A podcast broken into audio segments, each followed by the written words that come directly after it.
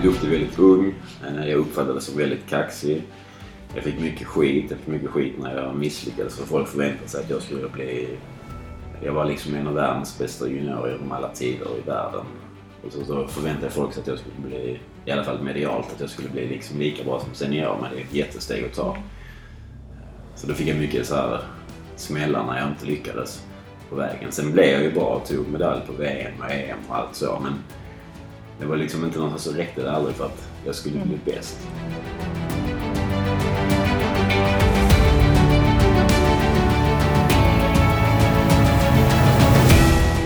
Hej och välkommen till Mentala Mästare. Podcasten om mental träning och om den mentala styrkan i att prestera när det gäller. Mitt namn är Eva-Marie Vergård och jag jobbar som mental coach och vill med den här podden ge fler möjligheten att lära sig mer kring vad mental träning innebär. Denna veckas avsnitt av Mentala Mästare är ett av de absolut bästa och viktigaste jag har gjort. Jag vill med den här podden lyfta fram att prestera och att vara bäst när det gäller. Men vad händer om det blir för mycket och du inte längre kan prestera? Jag möter Linus Törnblad, en av Sveriges största höjdhoppare som hade en utstakad väg att nå de allra högsta målen, men som en dag inte längre kunde göra någonting. Knappt ta sig upp ur sängen för att äta. Hans budskap är något jag verkligen vill lyfta fram i all prestationshets. För oavsett hur mentalt stark du känner dig finns det något oerhört viktigt i att verkligen lära känna sig själv på alla plan och där ingår också återhämtning. Eller som Linus säger, våga vila. Detta avsnitt är ett av det allra viktigaste och jag ber dig att verkligen ta ett steg tillbaka och reflektera över det du lyssnar på. Känner du själv igen dig? Känner du igen någon i din närhet? Varsågoda, veckans mentala mästare. Varmt välkommen Linus Törnblad till Mentala Mästare. Tack så mycket. Verkligen en ära att få ha med dig, måste jag säga. Ja, vad kul att höra. Ja. Eh, Min tanke är att dela upp intervjun i tre steg. Och det är egentligen före, under det specifika beskedet som du gav och sedan var du är någonstans idag. Vi ska utveckla detta. Tycker du att det är en rättvis bild eller hade du velat lägga upp det på ett annat sätt? Eh, nej, det tycker jag är väldigt rättvist. Det är nog ungefär lite så jag lägger upp det när jag föreläser också. Så att eh, det tyder på att jag tycker det är väldigt bra. Ja, för, för min tanke är också att man måste... Eller, jag vill gärna se bakgrund för att förstå nutid och för att Mm. förstå vad det var egentligen som hände. Ja. Så att eh, min första fråga blir ju vad du har för minnen ifrån de, dina första prestationsminnen. Ja, du menar alltså hur, när man går så långt bak man kan? Ja, faktiskt. Ja, men det är väl... Kan jag nu tro när jag, spelade, när jag var ung och spelade fotboll eller framförallt när jag var med så hade vi, hade fotbollsturnering på skolan. Eh, Jag tror den började redan i fjärde, femte klass någonstans där. Så kan jag, det är det jag minns. Eh, Hur nervös och hur gärna jag ville prestera på de här eh, fotbollsturneringarna i skolan. Liksom. Jag minns hur det verkligen betydde mycket. Eh, För mig, egentligen var det ju ingenting men för mig var det ju sjukt stort. Och då hade jag nog stor prestationsångest redan då tror jag. Eller ville så mycket. Tycker du att det är skillnad på lagidrott och sen i den individuella idrotten som du hamnar i sedan? Nu har jag ju bara tränat i lagidrott när jag var ung, upp till 15 år. Eh, och då tror jag inte att jag hade någon speciell insikt i, i just det här med press och stress och att, den, eh, att liksom stressen kan hämma en på något sätt. Men, eh, så att jag vet inte riktigt men det är, jag tror absolut att det är skillnad. Det tror jag. Sen hur jag hade fungerat i liksom en äldre ålder, 20-25 i en lagidrott, det vet jag inte. Men jag hoppas att jag hade utvecklats där också kunnat liksom få, få ut det bästa där. Och vi, det, jag tänker vi kommer komma in på kommunikation lite senare för just att en lagidrott så kan man ju ha en kommunikation men det kan ju också bli eh, ännu mer att man, man vill visa sig för gänget om man säger så. Så det var lite den bakgrunden också. Ja. Jo, men absolut. Men det, jag tror ändå man kan överföra det att man vill bevisa för laget lika väl som man vill bevisa för de som är runt omkring en. Om det är tränare eller förbund eller klubb eller så här. Så att jag tror nog att det, det, det är inte precis samma men jag tror ändå att det drar åt samma håll. När man tankar där. Så när du var yngre och vi tänker att du är i ett prestationsögonblick. Vem, vem var du då? Alltså det var... Idrotten var ju det jag var duktig på. Eh, men innan jag började med höjdhopp, vilket jag gjorde väldigt sent, så var jag liksom inte exceptionellt bra på, på någonting. Jag var liksom en bra idrottskille men det var inget speciellt. Eh, och då eh, och så var jag väldigt blyg runt omkring och någonstans så kunde jag liksom hitta mig själv där, min identitet och min någonstans vara trygg där i det. Nu kommer jag knappt ihåg frågan bara. Ja, det var, du, du har absolut, definitivt svarat på den. Ja, okay, uh, och, för det föranledde dig nästa fråga egentligen. För mm. du var ju 15 år när ja. du hamnade i höjdhoppskarusellen. Kan du inte berätta Precis. lite om hur du hamnade där?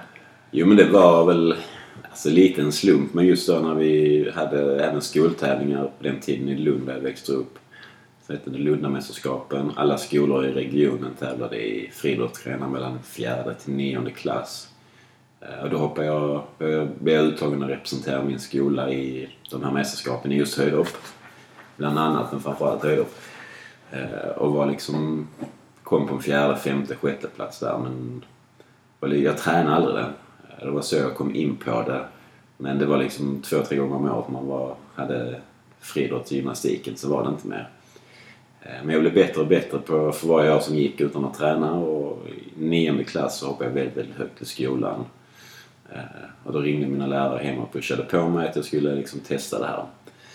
Eh, till min mamma då och så förstod hon ju att det var någonting, att jag var väldigt bra. Och då pushade hon på. Till slut så gick jag ner till, till hallen och eh, testade och sen över, egentligen över en helg så blev jag, blev jag bäst i Sverige i min ålder. Eh, och därifrån så tog det ju fart. Från att inte ha varit så bra på någonting annat till att jag blev, blev så pass överlägsen också i min ålder i Sverige på, på två veckor. Liksom. Så där eh, bara, sen blev det ju fullt ös på det. Hur var det att komma tillbaka till skolan och vara så överlägset bra? Eh, jo men det var häftigt. Det, var, det blev verkligen en, en stor grej för att det, det, blev väldigt mycket skriverier i tidningarna, eller lokaltidningarna då. Eh, och jag var ju den första då sen Stefan Holm, nio år tidigare, som hade hoppat två meter i den åldersgruppen. Så det blev rätt mycket skriverier och jag minns på måndag när jag kom till skolan så kom det även fotografer och journalister och så till skolan. Det var rätt häftigt. Och då var jag rätt blyg och ville liksom hävda mig och sökte bekräftelse ganska mycket generellt. Och då när jag gick med dem på skolgården så kände jag mig liksom, fan nu vänder det, mm. typ. Eh, och där någonstans så, så... Alltså det var väl lite falskt egentligen för att jag byggde min, mitt självförtroende genom det men någonstans så hittade jag mig själv därigenom också så att jag blev trygg och säker och fick bra självkänsla genom det. Men till en början var det ju egentligen bara ytligt för det kom ju från, från uppmärksamhet genom att jag var duktig på idrotten. Men någonstans så byggde det upp mig också med, med alltså under ganska kort tid så, så fick jag den grundtryggheten ändå. Eh, så det blev en stor förändring för mig eh, mentalt, vem jag var och hur jag vågade hur jag vågade liksom, vem jag vågade prata med, hur jag pratade med folk och så utan, utan att... Kanske ibland var jag lite kaxig men eh, stack ut så här, för det gick väldigt, väldigt fort. Men eh, det gick också... Jag byggde upp mig väldigt mycket som människa på väldigt kort tid.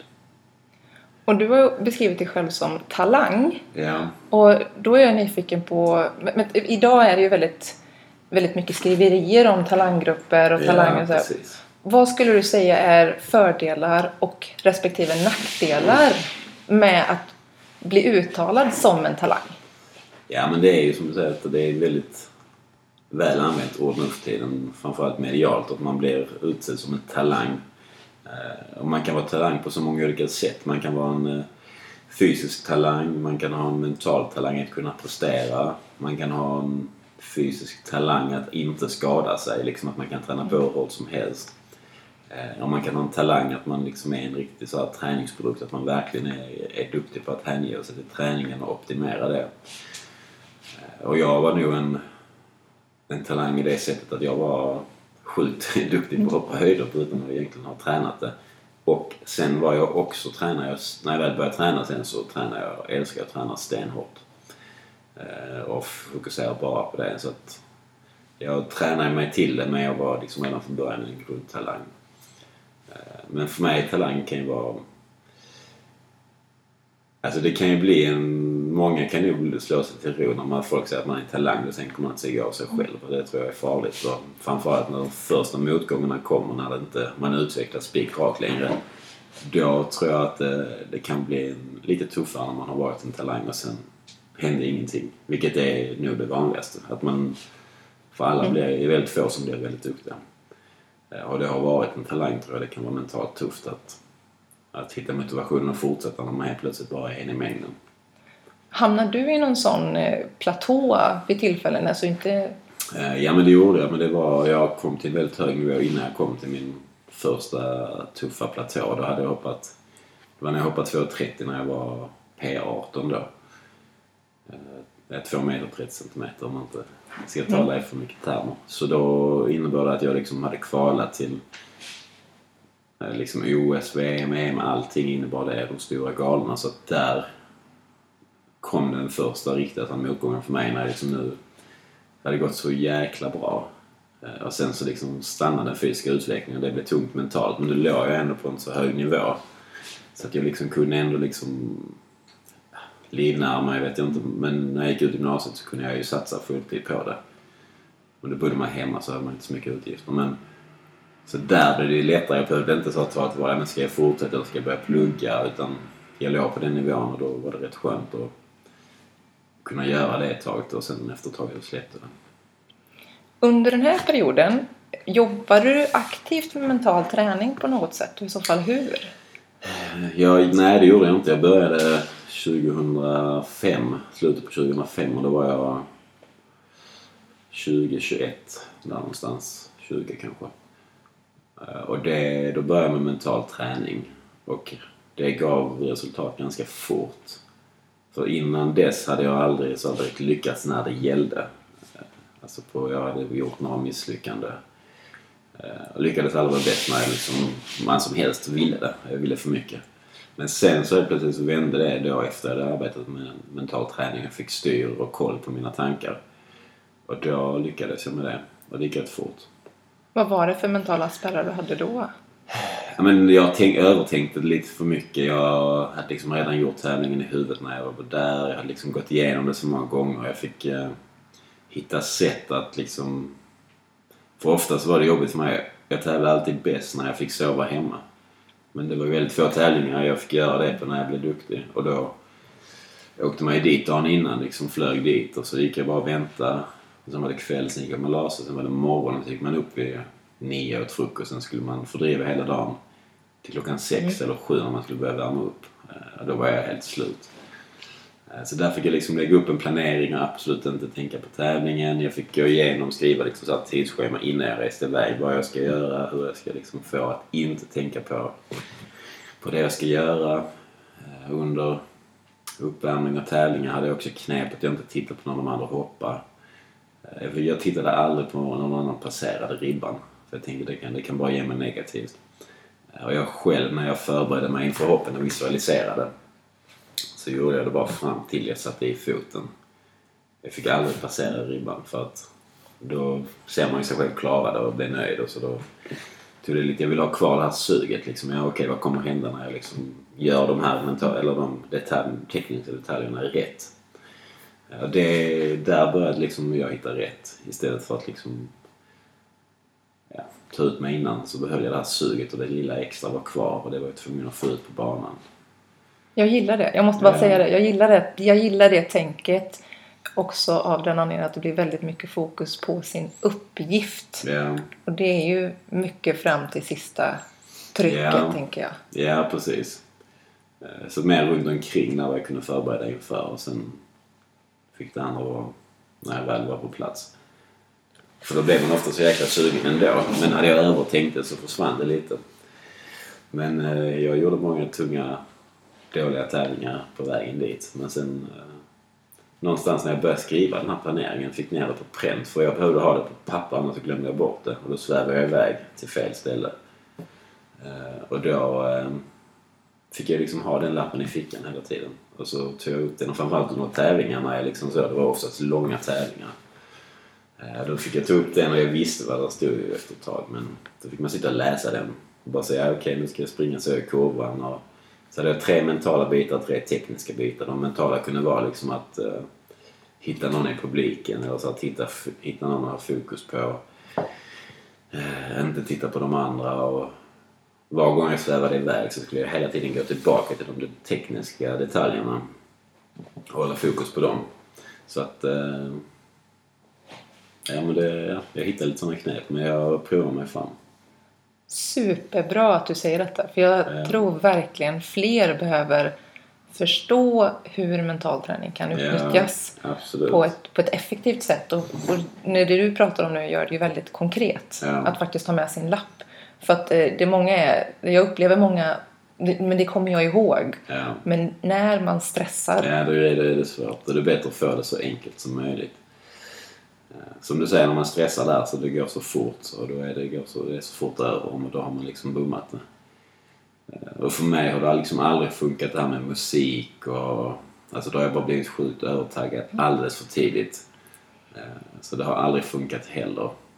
Men det, jag har ju prövat de här vägarna också som alla har sagt, ja men så här, testa musik så blir du skittaggad. Men då är det, det funkar inte heller. Så våga liksom att gå utanför och testa bara för någonting inte funkar så... Alltså för det, allt funkar inte för någon. Som jag vet är Stefan Holm som jag tittade på lite när jag var yngre. Eller när jag började komma ut på touren så var han ju också ute. Eh, då försökte jag göra lite som han gjorde men det passade inte alls mig. Och då tänkte jag men det funkar inte det här, då kan jag skita i det. Då, då hoppas jag bara att det kommer av sig själv. Eh, men sen så försökte jag hitta mina egna vägar efter. Men det var ju när jag började där. Och då vågade jag testa. Och då till slut så hittade jag rätt saker. Två saker som jag tänker där som jag vill bekräfta det är ju dels att våga experimentera och våga testa olika saker. Men också det jag tänker är ju den här, jag, jag ser alltid det som en volymknapp också. Det vill säga att på ett mästerskap så kanske man har en annan volym så att man, har, man är mer taggad så då kanske man inte behöver tagga till. Medan på en regional, ja, med en regional tävling då kanske man behöver tagga upp så att man lär känna sig själv. Ja. Ja, det man måste våga, våga prova, prova sig fram. Våga, man måste våga prova sig fram och då måste man... Man får inte vara rädd för att misslyckas för att genom att göra olika saker så kommer det saker som inte fungerar. Eh, men man får liksom inte vara rädd för det. Eh, Jag tror det är sjukt viktigt. Och som du säger där liksom på ett mästerskap så, så kommer taggningen. Där är det nog oftast att man ska hålla sig lugn för att slösa så lite energi som möjligt inför och runt omkring för man är nervös eller man är sjukt taggad för tidigt. Där är det än viktigare, så säga, på mindre kanske det är hur, hur ska jag kunna tagga till här? Eh, så det är, det är väldigt intressant. Eh, jag vet inte hur många det är som reflekterar över det faktiskt. Alltså som verkligen är engagerade i att försöka styra sin egen eh, prestation. Som arbetar med det eller om man bara låter det vara och hoppas liksom att man ska bara kunna tagga till sig själv utan att göra någonting specifikt. Och jag tänker att det här är ju så himla olika på olika förbund också. Olika sporter. Men också vad man definierar som mental träning. För nu tycker jag det är väldigt kul att höra din, alltså jag förstår ju din definition av det. Men jag möter ju också de som är att ja men jag vill inte ligga på en bår och lyssna mm. på ett eh, avslappningsband. Nej. Och då är det som att det är mental träning och då, då tar man inte reda på mer. Nej, så slutar man där. Och så lite som du sa att man, man testar någonting och så bara nej det funkar inte för mig. Men just att det finns en sån otrolig verktygslåda. Ja precis och det är den som man som folk borde få tillgång till och ja. testa lite olika. Och det tror jag som nu föreläste jag han kvällen och då var det här mycket med att vad, man hade för, vad folk hade försett att återhämta sig, att liksom ha avkoppling, stressa ner när man är stressad och folk hade väldigt olika saker. Eh, och just det när jag fick reda på hur man skulle stressa ner för länge sedan jag inte kunde någonting om det så trodde jag att det var två, tre sätt. Och då testade jag det om det funkar inte för mig. Då tänkte jag men då är det inget för mig. Då struntar jag i det. Men nu har jag ju lärt mig att man måste liksom... Det finns någonting för, som är ens egen grej. Men det är inte så lätt att hitta det. Men som jag hittade direkt, som jag har naturligt, andra får jobba stenhårt för det. Men som somliga funkar att läsa en bok. Andra är det att gå ut i naturen. Många är det att gå och träna. För mig är det absolut inte att gå och träna. Eh, jag önskar att det var så för jag vill bara träna hela tiden men det, det kan jag inte. Eh, det tar energi men samtidigt så är det det bästa någon annan kan göra. Så det är så jäkla vitt skilt och det är inte som... Jag hade ju kanske utåt sett trott att träning var det som gav mig lugn men det är det verkligen inte. Så att man, man måste gå utanför sin box där. Eh, och så när jag var aktiv så var jag, fick jag ju vara aktiv i att inte tänka på vad jag skulle göra. Vilket också är lite konstigt. Men för som du sa, när det väl var dags så kom det ändå av sig själv. Det var inte så att jag var underlärd. Utan det handlar om att liksom aktivt göra något för att inte tänka på det jag ska. För att inte slösa energi på det. Eh, så det, ja, det är jätteintressant. Vad, om vi, vad, vad skulle du säga är ditt sätt att återhämta dig som du skulle ha kunnat gjort då? Ja, det är lite samma sak nu som när jag så här ska återhämta mig från när jag blir lite utmattad igen. Och, alltså när jag går över gränsen som jag gör lite för ofta. Eller inte för ofta, men jag gör det. Även om jag försöker att inte göra det så, så hamnar man där ändå. Det är liksom livets gång. Eh, Och då är det det här att försöka att inte tänka så mycket på någonting. Genom att kanske kolla på en TV-serie, fastna i den. Då tänker jag inte på någonting runt omkring och då får jag chans att återhämta mig där. Eh, eller om hitta en bra bok. Eh, det kan även vara, det är just det här slå av och slå på som jag hade svårt med under karriären. Eh, och jag tror det var det som blev mitt fall också.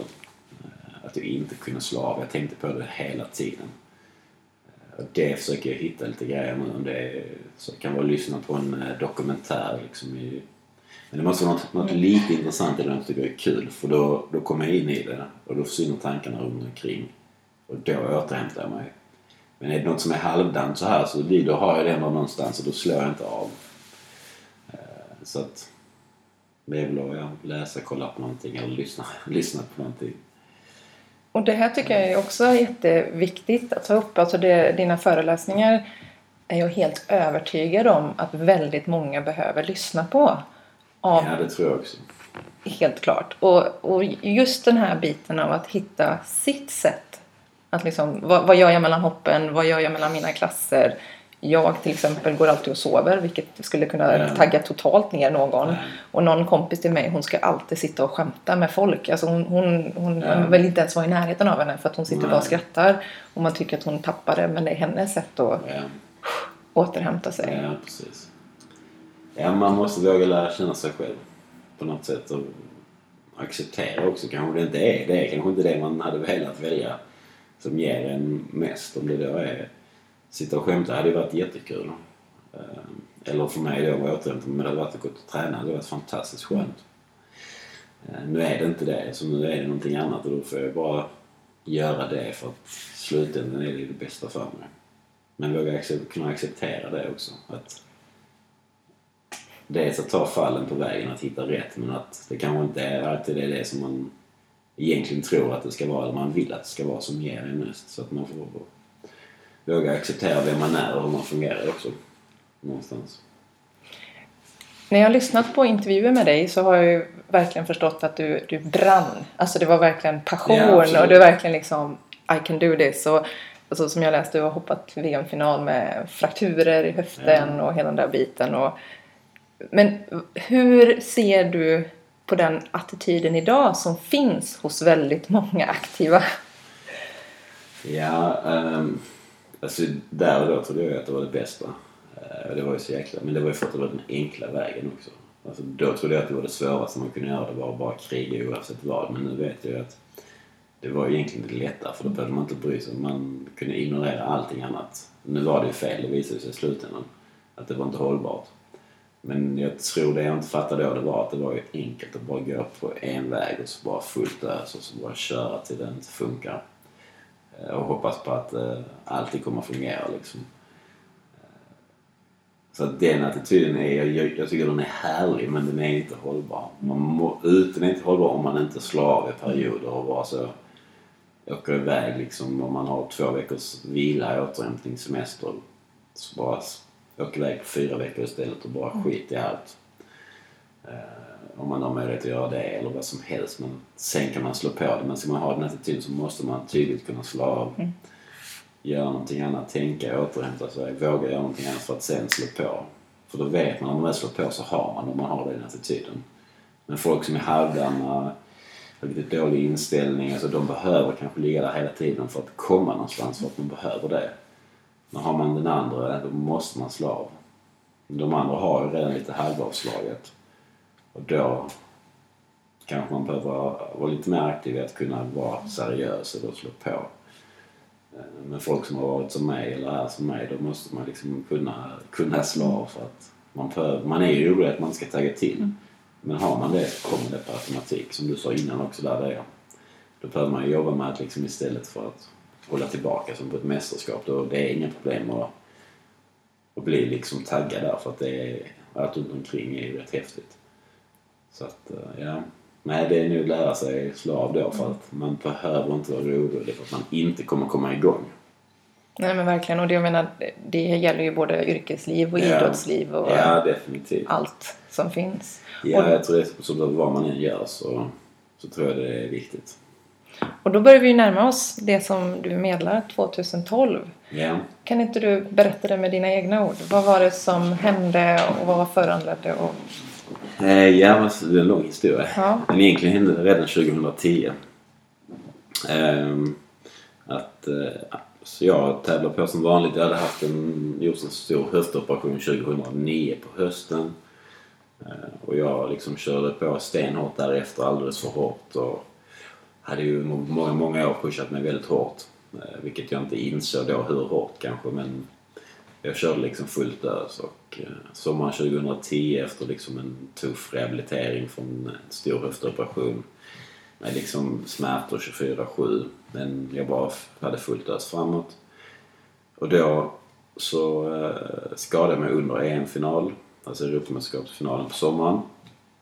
Och då när jag gick ut därifrån så bara bröt jag ihop totalt och liksom började storgråta så här. Och jag kände inte igen mig själv alls för jag tänkte det här är liksom, jag har liksom misslyckats många gånger och då har jag med knutit näven och bara men fan nästa tävling då ska jag ha revansch. Men nu bara sjönk jag ihop och liksom hade ingen kraft, energi och bara satt och grät. Eh, jag blev chockad över det. Sen ja, åkte jag hem, avbröt min säsong och hade semester och sen när jag skulle börja träna igen så funkade det liksom inte. Det var, jag var trött och seg och med huvudet ville träna men det var mer stressigt att nu missar jag, nu missar jag flera veckor. Kände mig sjuk och hängig och liksom så dåligt och fick hög puls när jag tränade och orkade liksom knappt springa 800 meter eller jogga 800 meter. Någonting som var liksom bara lite uppvärmning annars. Uh, och jag höll på så ett par veckor, fick vila flera dagar och trodde att jag var på väg att bli förkyld. Uh, och därefter så började jag liksom fundera på att jag måste vara sjuk. Jag måste liksom ha något virus eller bakterie eller sakna någon vitamin eller mineral. Eh, så då åkte jag omkring överallt och gjorde alla former av tester. Eh, alla värden var på topp och liksom ingenting var fel. Men jag kunde liksom inte träna, jag mådde skitdåligt. Jag var inte ute från min lägenhet på flera veckor och var helt instängd. Och till slut där så kom jag i kontakt med en beteendevetare Eh, till att börja med och eh, han konstaterade då att det var, ja, det här är en fysisk och psykisk utmattning. Och då tänkte jag, vad, vad gör man åt det? Så sa han vila. Så sa jag, men fan jag har liksom inte vilat någonsin. Alltså även när jag haft semester har jag smygtränat och hållit kosten och, och så. Och sen då när jag försökte vila där eh, och när jag verkligen lyckades släppa det. Då liksom bara blev allting svart. Alltså då blev det liksom, då kom liksom allting över mig och jag bara sov. Sov liksom upp mot 20 timmar per dygn, dag efter dag efter dag. Gick upp och käkade. Eh, för jag visste att jag måste äta för att överleva, så jag åt tre gånger om dagen. Eh, jag orkade liksom inte göra någonting annat. Jag kunde vakna upp och vara storgråta. Och när det var som allra värst så, så kunde jag liksom inte läsa. Alltså jag kunde, min hjärna var så jävla slut så jag satt i köksbordet när jag var 25 år och kunde liksom inte läsa. Det var liksom helt... Det var liksom bortom noll på något vis. Eh, och tröttheten gick inte att sova bort. Eh, och där någonstans så, så började liksom dels en, en lång tid med en, en utmattningsdepression som detta var. Eh, för att sen då gå in på, på nästa steg. Men, så det var en lång period med mycket mest sömn och ångest och liksom alltså så här storgråtande över saker som egentligen inte var någonting att vara ledsen över. Men, och det kunde jag se, liksom se. Jag kunde säga det till mig själv. Jag kunde se mig själv ovanifrån när jag låg i sängen där och storkök liksom och sa till mig själv att fan du, du har liksom världens bästa liv. Du, du, får, du får leva, du får ha din, din passion som ditt yrke liksom. Och kom igen, det finns ingenting att leva och gnälla över. Men det, det funkar liksom inte. Och där någonstans så försökte jag hela tiden så jag måste komma tillbaka till träna. Jag stressar med det och, och efter ett år så insåg jag att det här kommer liksom inte funka. Alltså då hade jag liksom inte kunnat göra någonting. Eh, och där bestämde jag mig för att jag skulle sluta då efter sommaren 2011. Men så visste jag också att den dagen jag säger att jag slutar så, så är jag liksom utanför alla system och allting. Eh, och då kände jag bara shit, då får jag vänta ett halvår till jag kommit mm. lite på benen. Och då valde jag att gå liksom en väg tillbaka till ett normalt liv. Eller försöka få ett normalt liv. Eh, och utan idrotten. Och därför meddelade jag först 2012 för då tänkte jag att jag kommit lite på fötterna mm. igen. Eh, vilket jag hade men det var liksom inga sådär jättesteg. Så då valde jag att eh, meddela att jag slutade. Och då valde jag, funderade jag mycket om jag skulle säga vad sanningen eller inte och bara mm. säga att jag, det är slut, jag är skadad, det funkar inte. Men någonstans i en frustration så berättade jag liksom varför jag, jag valde att sluta och på grund av vilken anledning. Och det var väl in, ja, en del i sin frustration för att jag inte fick vara med. Jag ansåg att mina bästa år skulle vara mellan 25 och 30. Och nu var jag, då hade jag hunnit bli, ja det var drygt 27. Jag skulle fylla det året om jag hade fyllt det. Jag gjorde då min sista tävling som 25-åring. Och det kände jag liksom att det var inte rättvist så det var väl i frustration. Men sen visade det sig också att det blev lite någon form av terapi för mig mm. själv att berätta om det. Och det ledde också till att jag då kom in på den här vägen och började föreläsa. Och, eh, för jag visste inte alls vilken respons jag skulle få. För att jag blev duktig väldigt ung. Eh, jag uppfattades som väldigt kaxig. Jag fick mycket skit. Jag fick mycket skit när jag misslyckades. För folk förväntade sig att jag skulle bli... Jag var liksom en av världens bästa juniorer genom alla tider i världen. Och så, så förväntade folk sig att jag skulle bli, i alla fall medialt, att jag skulle bli liksom lika bra som senior. Men det är ett jättesteg att ta. Så då fick jag mycket så här smällar när jag inte lyckades på vägen. Sen blev jag ju bra och tog medalj på VM och EM och allt så men det var liksom inte någonstans så räckte det aldrig för att jag skulle bli bäst. Eh, och så hade jag varit liksom lite kaxig när jag var ung. Eh, vad skulle jag komma till med det här? Nej men då...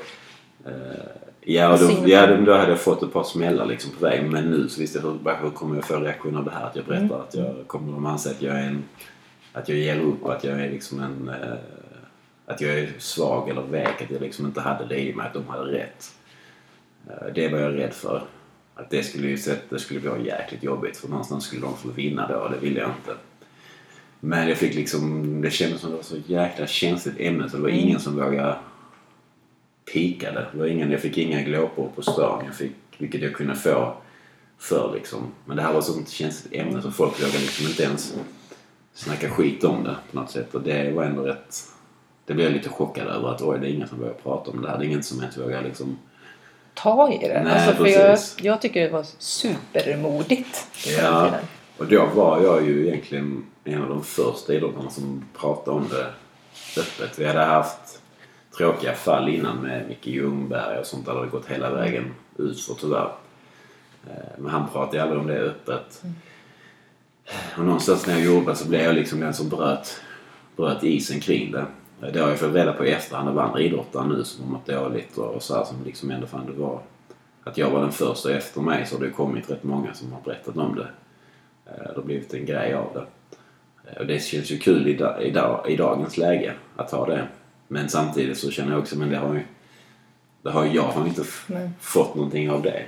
Mer än att jag får bekräftelse att jag har gjort någonting bra. Men jag har fortfarande, fortfarande stått utanför systemet hela vägen. Eh, blev liksom nekad av Försäkringskassan att, eh, att få någon hjälp eller ersättning. Liksom har fått köra hela resan själv.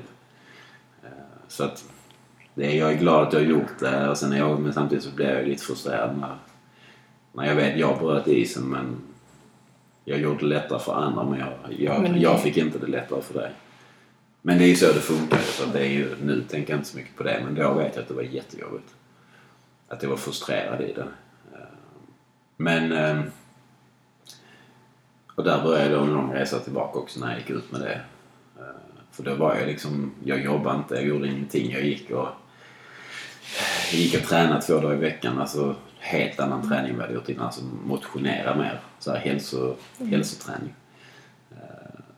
Men därifrån så började ju då en lång resa. Ja, egentligen fram till där jag är idag. Det är, liksom, det är nu en ständig resa jag kommer få, få, få vara med på resten av mitt liv tror jag. Och det kan jag verkligen tänka mig. Och eh, givetvis så börjar man ju tänka vad var det för tecken och vad var det, Mm. vad var det som föranledde? Och du har ju redan nämnt det här av och på-knappen. Ja, att den eh, var obefintlig. Ja, skulle du säga att var det den största knappen? Ja, det tror jag. Alltså det, den blir liksom, för varje år som går så blir det tydligare och tydligare. För varje föreläsning jag håller. Så någonstans så blir den ännu tydligare för mig själv. Alltså även om jag inte trodde det kunde bli tydligare så blir det bara ännu mer bara fan. Det där var ju den egenskapen jag saknade. Det är typ som att man... Alltså som jag saknar liksom en muskel i kroppen. Eller liksom, det här var bara den här, jag har, har inte haft den. Jag har inte den per automatik men jag har liksom satt upp någon form av så här om man har en eh, lampknapp så har jag satt upp någon form av tillfällig lösning som, som håller mig tänd liksom, eller vid livet. Jag kan slå av och slå på. Men jag måste vara aktiv för den för jag har inte den naturligt. Liksom. Den, är, den, den är liksom inte inbyggd. Jag måste hela tiden, varje dag, varje vecka, månad, år liksom vara aktiv i att tänka på det. Och det tror jag får, det har jag accepterat att så kommer det vara resten av mitt liv. Och när jag, inte, när jag glömmer att sl- slå av den så, så gör jag fel saker och då, då får jag ta konsekvenserna också. Och när jag hör detta så blir jag... Och, åter, jag, jag kommer ju från hundvärlden. Ja, Och i hundvärlden har vi bland annat en hundras som heter border collie. ja, Eh, Det finns många hundraser men de är ju högpresterande, väldigt mycket energi. Och det första du gör med de här hundarna Mm. det är att lära dem slå av. ja, Alltså för du behöver aldrig slå på dem för att de är alltid på. De, Ja. de är ständigt på. Och du, du verkligen så här, tränar passivitet och ta det lugnt. Och när jag hör det så blir jag just att även i ungdomsidrotten börja prata om de här bitarna. Och inte Mm. Ja. bara tagga på tävling, prestera på tävling. Mm. Utan verkligen precis det som du föreläser om återigen. Alltså att våga vila. ja. Jag tror till och med att det var du som sa det i Ja, någon av poddarna. vila. Varför har jag slutat säga det? Jag vet inte, för det var så genialt. Ja. Att Nej men just det, men jag har tänkt så här om jag, jag är inte så här superduktig, eller jag har inte i mig med eh, sociala medier och hela den här biten. Men jag tänkte så att om jag skulle starta och ha en slogan så skulle det vara våga vila. För jag har läst, eh, alltså jag började läsa massa om idrott och så här efter jag hade bränt ut mig, det var slut. Jag började intressera mig för andra former av träning och så. Men så hamnade jag på någon kille och då hade han slogan aldrig vila. Och jag tänkte, vad vilken jävla idiot. Eh, och det skulle jag gärna säga till honom om jag hade träffat honom. Men, och då tänkte jag, okej det där är precis det jag inte står för. Så tänkte jag, det här är liksom, det var en tränings... Eh, eh, man som drev liksom ett kosttillskottsmärke. Han tränade själv och gym och bla bla bla. Allt så här. Det var så jävla hetsigt. Och då tänkte jag bara, oj, att han vet ju ingenting den här killen. Och ändå så är han en människa som folk ser upp till och tar efter träningsprogram och mat och allting. Så tänkte jag bara, det här är så jäkla fel. Och då tänkte jag, men om jag någon gång ska starta så ska jag börja våga vila. För det är framgången. Jag vet själv att jag hade hoppat högre om jag hade vilat mer. Hade jag fysiskt tränat mindre så hade jag fått bättre resultat. Jag tränar alldeles för mycket. Eh, Och en elitidrottare, alltså, generellt sett det största motståndare, en av dem, det är att våga, alltså man inte vågar vila. Man vågar inte återhämta sig. Och då hinner man inte ta åt sig det man gör och många faller på att man tränar för mycket. Eh, och då, just det, då, då, det var där någonstans, och detta var väl 12, 2012 eller 2013 jag liksom jag förespråkar mycket den här våga vila. Eh, och jag tänkte då om jag nu hade varit en sån grym på det här med sociala medier eller byggt upp grejer så hade jag nog byggt det kring just den sloganen. Mm. Ja, det har jag inte tänkt på på ett tag, men den är bra. Ja, det får, det får du Nej, göra. jag måste ta tillbaka den. Ja, det får du helt klart göra. För det var, det var du som sa det först. Mm. Men just för att jag, när jag har intervjuat folk och när jag har pratat med människor och allt, överallt så är Ja. det ju den största, eller en av de största lärdomarna de brukar prata om det är att om jag hade förändrat någonting från förut så är det att ha vilat mer, Mm. Ja. tränat mindre. Eller som någon sa att det, det är ganska häftigt att se hur lite kan jag träna och bli så bra. Ja.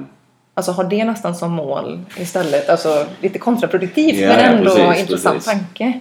Jo men nu, ta liksom nu så tävlade jag i somras på skoj eh, och vann SM. Eh, Och så, då tränar jag ju, alltså utan att ljuga så tränar jag två, motionerar två dagar i veckan i fyra månader.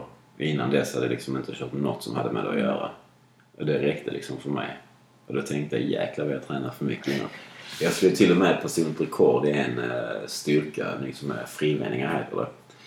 Uh, någonting som jag tränade två dagar i veckan. Det var en av mina favoritövningar. Så jag tränade inte stenhårt. Visst, jag vägde rätt många kilo mindre. Så att det är svårt att jämföra rakt av. Men nu gick jag liksom in och slog personligt rekord med ganska mycket i den övningen.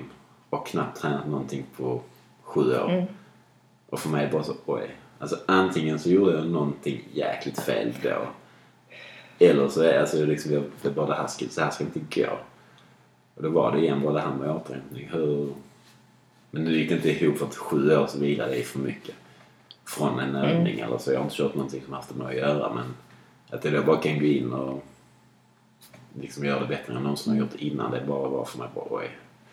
Alltså mm. någonting gjorde jag fel innan. Det, det visste jag sen innan men nu var det bara så tydligt i liksom siffror. Det var liksom det andra är ju en känsla och erfarenheter och så men det här var bara så här är det svart på vitt i skrift. Innan lyfte jag så här mycket, nu lyfter jag så. Mm. Då gjorde jag så här mycket runt omkring. Nu gör jag ingenting. Mm. Och bara, nej det ska inte fungera. Liksom. Nej, det är så spännande. Och, det, och det är spännande precis som du säger, när det blir konkret. Ja, ja verkligen. Och om jag tittar på andra sådana droppar som rinner över bägaren och som jag tycker är intressant för andras skull så är det media och du sa det också just det här att man blir nedskriven man kanske säger någonting och så bara haha du hade fel mm. eller fan vad dålig du är och ja. jag vet att du reagerade väldigt starkt på en, en krönika där man skriver ner det. Ja. Och jag tyckte det var statement. Jättesnygg bild där med överkrossade getingar. Riktigt bra jobbat där. Men vad är dina tankar och kanske tips till dagens atleter kring just press? Alltså nu är den som... Alltså från, på min tid så var Facebook nytt. Det är rätt länge sedan. Uh, och då var det liksom... Nu är det så mycket annat. Man är så tillgänglig. Både man ska hålla igång sina sociala medier och det är ännu stressigare med media. De liksom vill bara ha ännu snabbare rubriker och ännu mer klick på sina hemsidor. Och idag är det nu än viktigare att kunna liksom verkligen stänga ute det. Att liksom lära sig skärma av mobilen. Tror jag nu det är det största tipset. Att liksom begränsa sig själv mot vad man läser. Vad man verkligen rannsakar sig själv. Vad man tar åt sig av. För att man måste lära sig stänga av det. Och jag gjorde det under mina bästa år. Så läste jag inte tidningar överhuvudtaget två veckor innan jag skulle tävla på mästerskap. För att jag visste att det är kul att läsa positiva saker. Men det ger mig inget speciellt. Mm. Men negativa saker det kan påverka mig väldigt. Så jag tänkte det är inte värt det. Det är inte värt mm. risken. Mm. Så jag läste ingenting. Eh, satte en gräns på två veckor innan. För då tänkte man börja införa mästerskap och lite så. Eh, så insåg det här kan inte ge mig någonting. Det här kan bara ta någonting. Och jag var ju sugen och det lockade. Jag ville bara läsa. Eh, men jag bara nej, det blir ingenting. Och det, det fungerar jättebra för mig.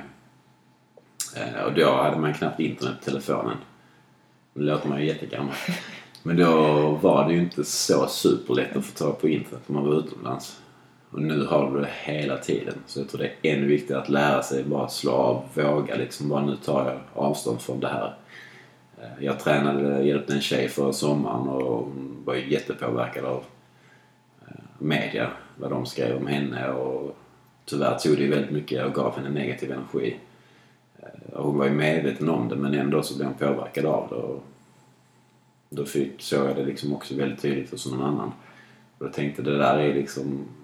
Man måste lära sig bara att allt som tar negativ energi är liksom bara att klippa av direkt. Eller lära sig styra när man under perioder när det inte gör så mycket att man blir negativt påverkad. Men inför viktiga tävlingar eller perioder egentligen hela tiden. Men då, då måste man lära sig styra det där. Så det är superviktigt.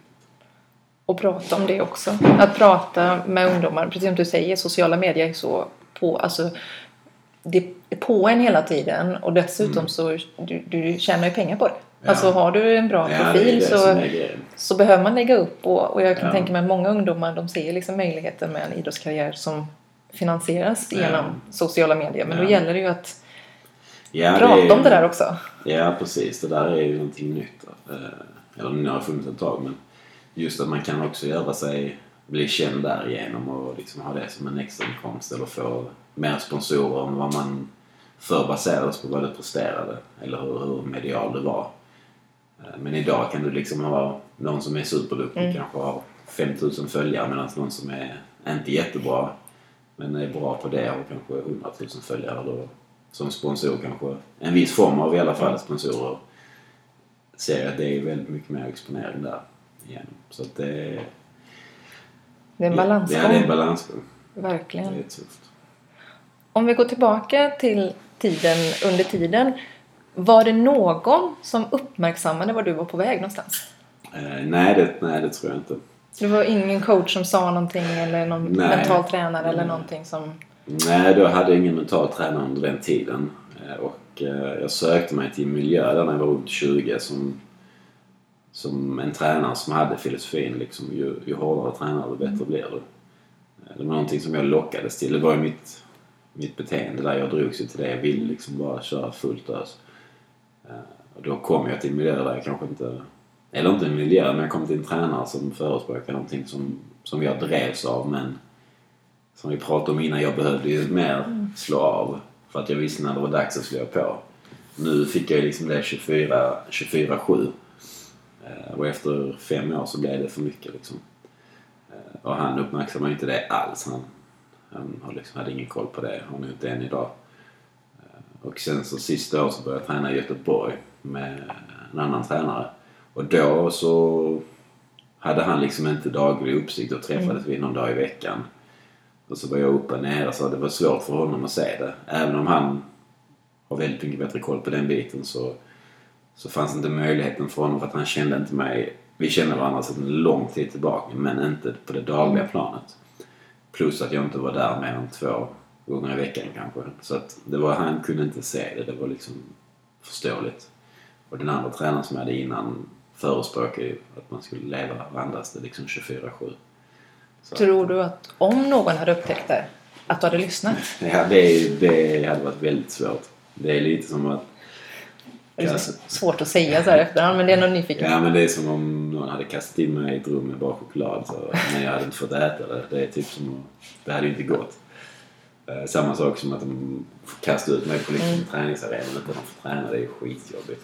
Så jag vet inte, men det enda jag tänker på som skulle kunna få mig i alla fall reflektera över det, om det hade varit någon jag hade sett upp till. Mm.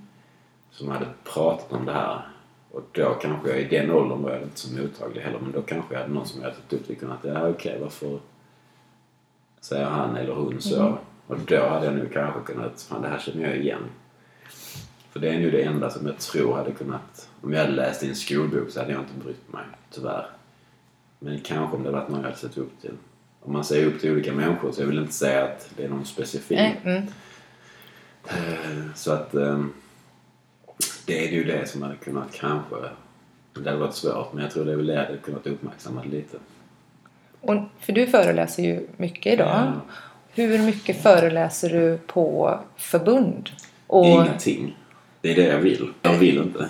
alltså för det där gör mig lite upprörd för jag förstod det Ja. svaret. Eh, just för att hinna fånga upp både ungdomar men också elitaktiva. För jag tänker att det är en sak att läsa på Instagram, lyssna på en podd. Mm. Eh, men om personen finns i rummet så kanske jag har lättare att ta steget fram. Mm. Eller lättare att mejla en människa som jag har sett levande prata Mm. om någonting. Ja, precis. Vad får du för tankar kring det? Ja, men det, när jag hör det så blir jag inspirerad och motiverad att liksom försöka driva i det. Liksom och så här. Men jag har varit lite inne på det vid tillfälle och försökt men det liksom har inte varit någon feedback eller respons eller så. Och jag säger absolut inte att jag har ett facit på hur man ska göra. Jag bara tänker att man kan använda den erfarenheten som finns och göra någonting med det för att i alla fall minimera just att göra samma misstag som jag har gjort. Det finns många vägar att hamna i en dålig situation. Men om man börjar minimera dem så är kanske chansen mindre att folk hamnar där och att det blir lite färre. Typ som att man minimerar ju skadorna genom att, alltså att skada till exempel en baksida lår. Eh, genom att man vet vad man bör göra och man inte bör göra i dagens utveckling. Och vad man, hur man kan stärka upp det. Det kan hända ändå men man minimerar det. Varför inte göra samma sak med den mentala biten? Om folk har hamnat i en dålig sits på grund av somliga saker så kanske inte andra behöver gå den vägen. Ska man hamna där kanske man, man kan hamna i en annan väg men man behöver inte göra det på grund av samma saker som vi redan vet om idag. Det är det jag tycker man borde göra. Utnyttja sig av det som redan finns. Liksom att om folk som mår dåligt behöver de inte göra det på, sam- på grund av att de går samma sätt som de som redan har hamnat där gör. Ja, Jag är helt enig med dig. Jag är helt enig. Och jag tänker att, som du redan nämnt, du gick ju tillbaka och vann SM-guld. Ja. Och det kan ju också inspirera folk att vilja bjuda in dig, tänker jag. ja, det borde vara så. Eh, Och då är min fråga, vad var det som fick dig att ställa dig på ansatsbanan igen? Eh, det var lite blandat. Eh, det var just... Eh, alltså jag hade ju hållit mig ifrån. Jag hade ju haft väldigt mycket smärtor och så sen jag slutade i min rygg och problem med den fysiska biten. Det var ju den mentala biten men jag hade liksom varit och motionerat en till två gånger i veckan under ett par år och bara kört saker som inte skulle göra att jag fick ont. Liksom bara alltså saker som inte belastade min rygg. Och sen så bara fick jag liksom en känsla i vintras då. Alltså vintern nu då, januari, februari 2018. Eller det var februari, mars. Bara ville jag prova en gammal övning, en gammal favoritövning som var just den här frivändningen. Eh, så jag började väldigt lätt. Jag, alltså bara säga att jag ville se om jag fick ont eller inte. Och så fick jag inte det så tänkte jag att jag tog lite mer, lite mer vikt. Fick inte ont några dagar efter. Test gjorde jag det en gång i veckan. Eh, och sen tänkte jag fan det känns ändå bra. Jag undrar hur, hur stark jag hade varit. Så jag tänkte jag, jag får testa. Så, så tog jag väldigt mycket. Så jag liksom det här stämmer liksom inte så. Liksom räknade vikterna flera gånger om det verkligen stämde. Jag tänkte det här är så bra kan jag inte vara. Och då började jag tänka, undra vad jag hade kunnat hoppa i höjdhopp. Eh, liksom, jag har liksom gjort saker som är allt för att jag inte ska bli bättre. Som jag har tränat liksom överkroppsstyrka och sånt som är bara negativt till att hoppa. Just för att jag liksom aldrig ska göra det igen. Men då kändes det bra och så tänkte jag undra vad jag hade kunnat göra. Spekulera det i någon vecka och sen så stack jag ner och tränade. Då i den gamla hallen där jag brukade träna. Bara för att se.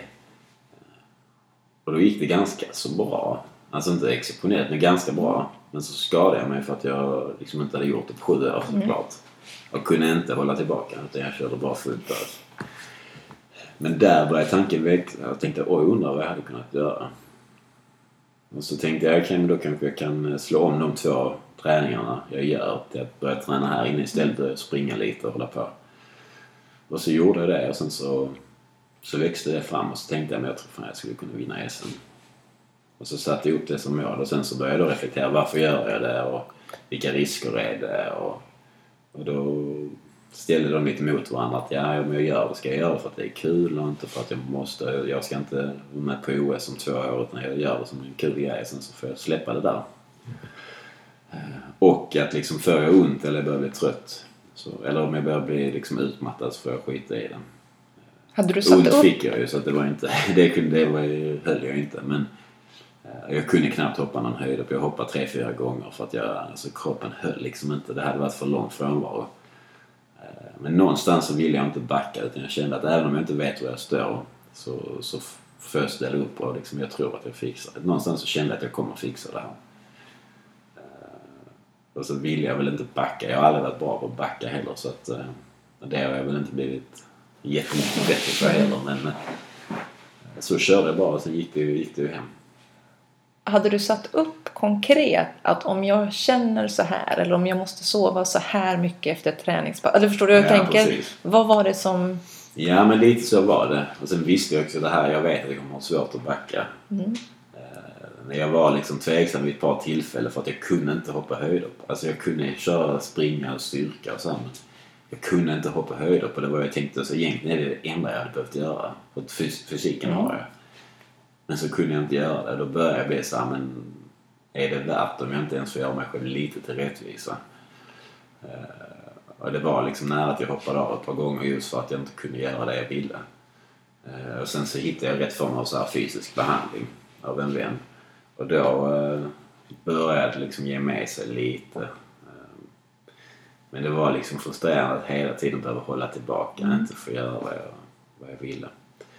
Eh, Men, eh, men jag hade en väldigt bra period under våren också. Vi flyttade hit och det var mycket annat som, som tog fokus och så. så att det, blev, det var mycket fokus på det men jag hade mycket annat som bröt av. så att Jag behövde inte vara aktiv att inte tänka på det för det var så mycket annat som hände i livet. Vilket gjorde det lite lättare att inte övertänka det då. Eh, Men sen så tog själva tävlingen i sig tog väldigt mycket energi. Eh, Alltså jag har ju tränat typ 45 minuter per gång innan nu. Helt plötsligt var det två dagar i rad och tre timmar per gång. Så att, det var ju någonting helt annat än att cykla iväg och träna en stund. Och sen.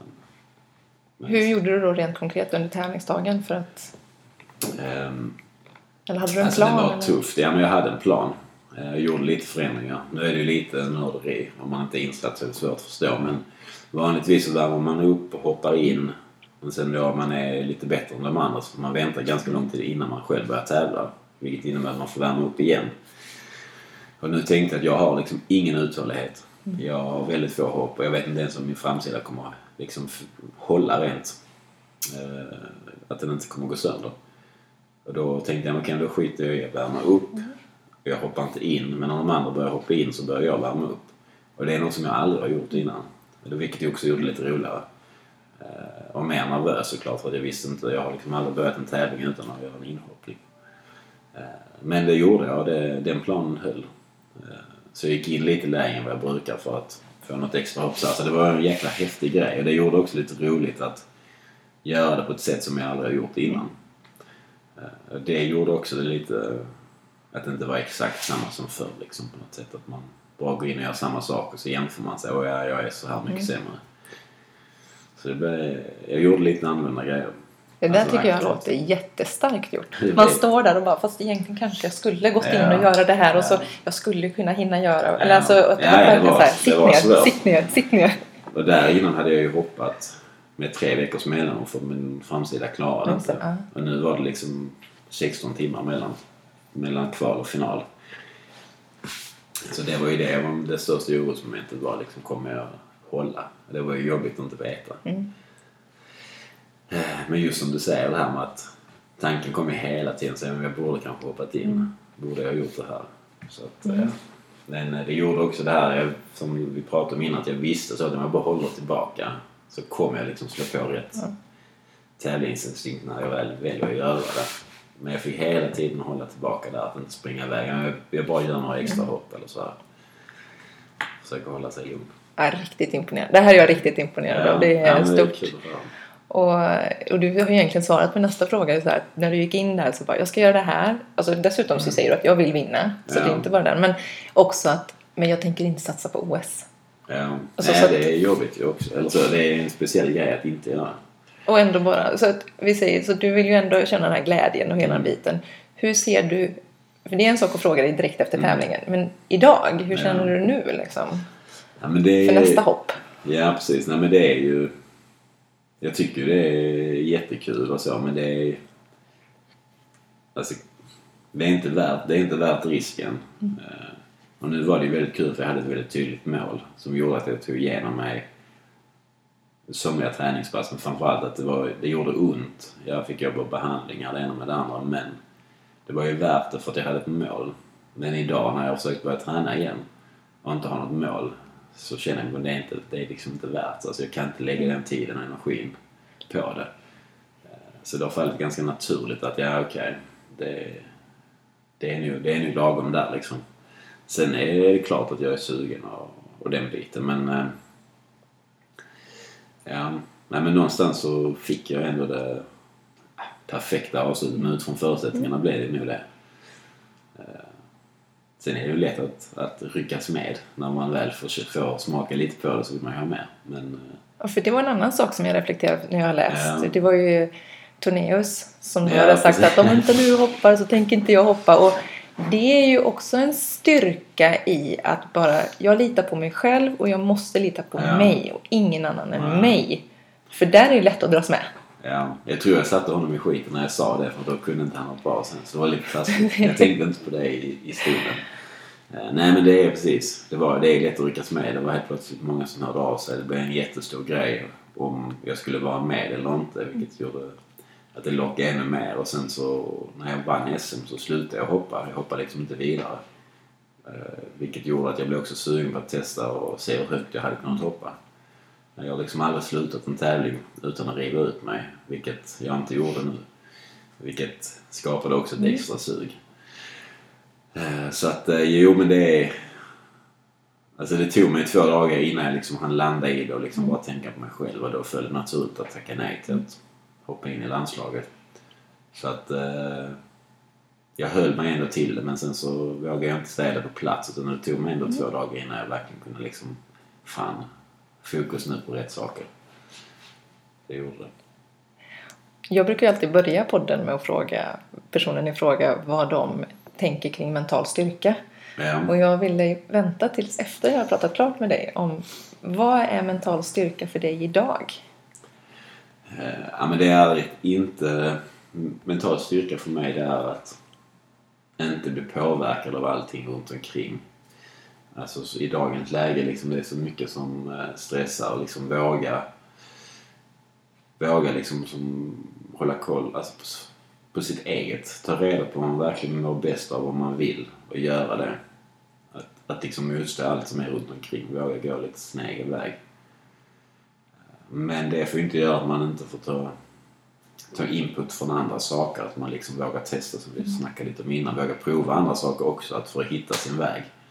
Men liksom inte bli för påverkad av allt runt omkring. Det är nu, det är nu det viktigaste. Även om det är liksom i vardagen, en vanlig träning eller om man är ute och tävlar eller vilket liv man än lever, man, vilket jobb man än har. Att inte bli, bli så påverkad av det runt omkring. Det är nog mental styrka för mig. Bra svar. Hur, hur känns det? Finns det någonting mer som du skulle vilja ta upp? Nej men det tror jag inte. Det har varit, det har varit ett väldigt spännande samtal. Är så många saker. Men eh, om, om det ska vara en grej så är det ju våga vila.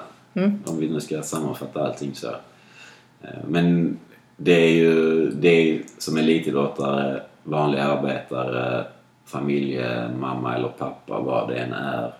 Eller ungkarl eller en singelkvinna, vad det än är. Liksom att våga liksom hitta din grej för att återhämta dig. Om det, liksom, det spelar ingen roll var du är eller när du är i livet eller med vem du är. Så är det viktigt. Det är, finns situationer där det är svårare att hitta det. Det förstår jag. Man jobbar fulltid, man har tre barn. Det, det är inte jättelätt att hitta de här stunderna. Men desto viktigare att verkligen göra det. Eh, jag levde mer eller mindre själv när jag hamnade där. Så jag hade egentligen inte så mycket att skylla på. Att inte hitta det. Men det gjorde jag inte. Så det är det viktiga. Och, eh, och det hänger ju ihop med det här att stänga av och stänga på. Att hitta sin grej liksom, där man inte tänker på det vanliga för att kunna återhämta sig inför det och av det. Eh, Så den viktigaste egenskapen är att slå av och slå på för mig. Och det är väl det jag skulle vilja ge till, till alla. Att ta med sig. Ja men verkligen och så tycker jag att du ska ut och föreläsa på förbund och ungdomar mer. Så att jag ska, så att hashtag våga vila också. Ja, precis. Vem skulle du vilja lyssna på i den här podden och ha det här samtalet med? Och finns det någon fråga du skulle vilja att jag ställer den personen? Alltså nu har jag ju det men eh, det är en person som inte lever så det blir lite svårt. Men om man var så tänkte jag just på Mikael Ljungberg. Tänkte jag på det var så intressant att höra hur och på vilket sätt han mådde dåligt. Eh, Och hur hans tankar gick. eh, Och hur hans tankar idag hade gått. Om han då hade fått reflektera över vad som hände och vad som inte hände och vad som borde ha hänt och vad som inte borde ha hänt kanske. Eh, Men det är sånt man aldrig kommer få svar på. Men då kanske jag säger, eh, det är nu drömgästen då. Det går inte. Då säger jag kanske en annan som har pratat idrottare som har pratat just med psykisk ohälsa och som jag har träffat som heter eh, Jenny Rissved. Mountainbike. Eh, henne hade jag gärna hört och så hade jag gärna frågan då jag hade velat ställa hade ju varit nu när hon är igång igen har hon liksom full koll på vad hon håller på med. Är det, är det värt att riskera att hamna där igen? Och mår hon verkligen så bra som, som jag hoppas att hon gör? Jättebra, jättebra fråga och bra människor att Ja. lyfta upp också, lyfta fram. Tack så jättemycket för att du tog dig tid. Tack själv. Väldigt spännande samtal och Ja. viktiga, viktiga frågor. Verkligen. Ha en fortsatt bra dag. Ja, tack så mycket.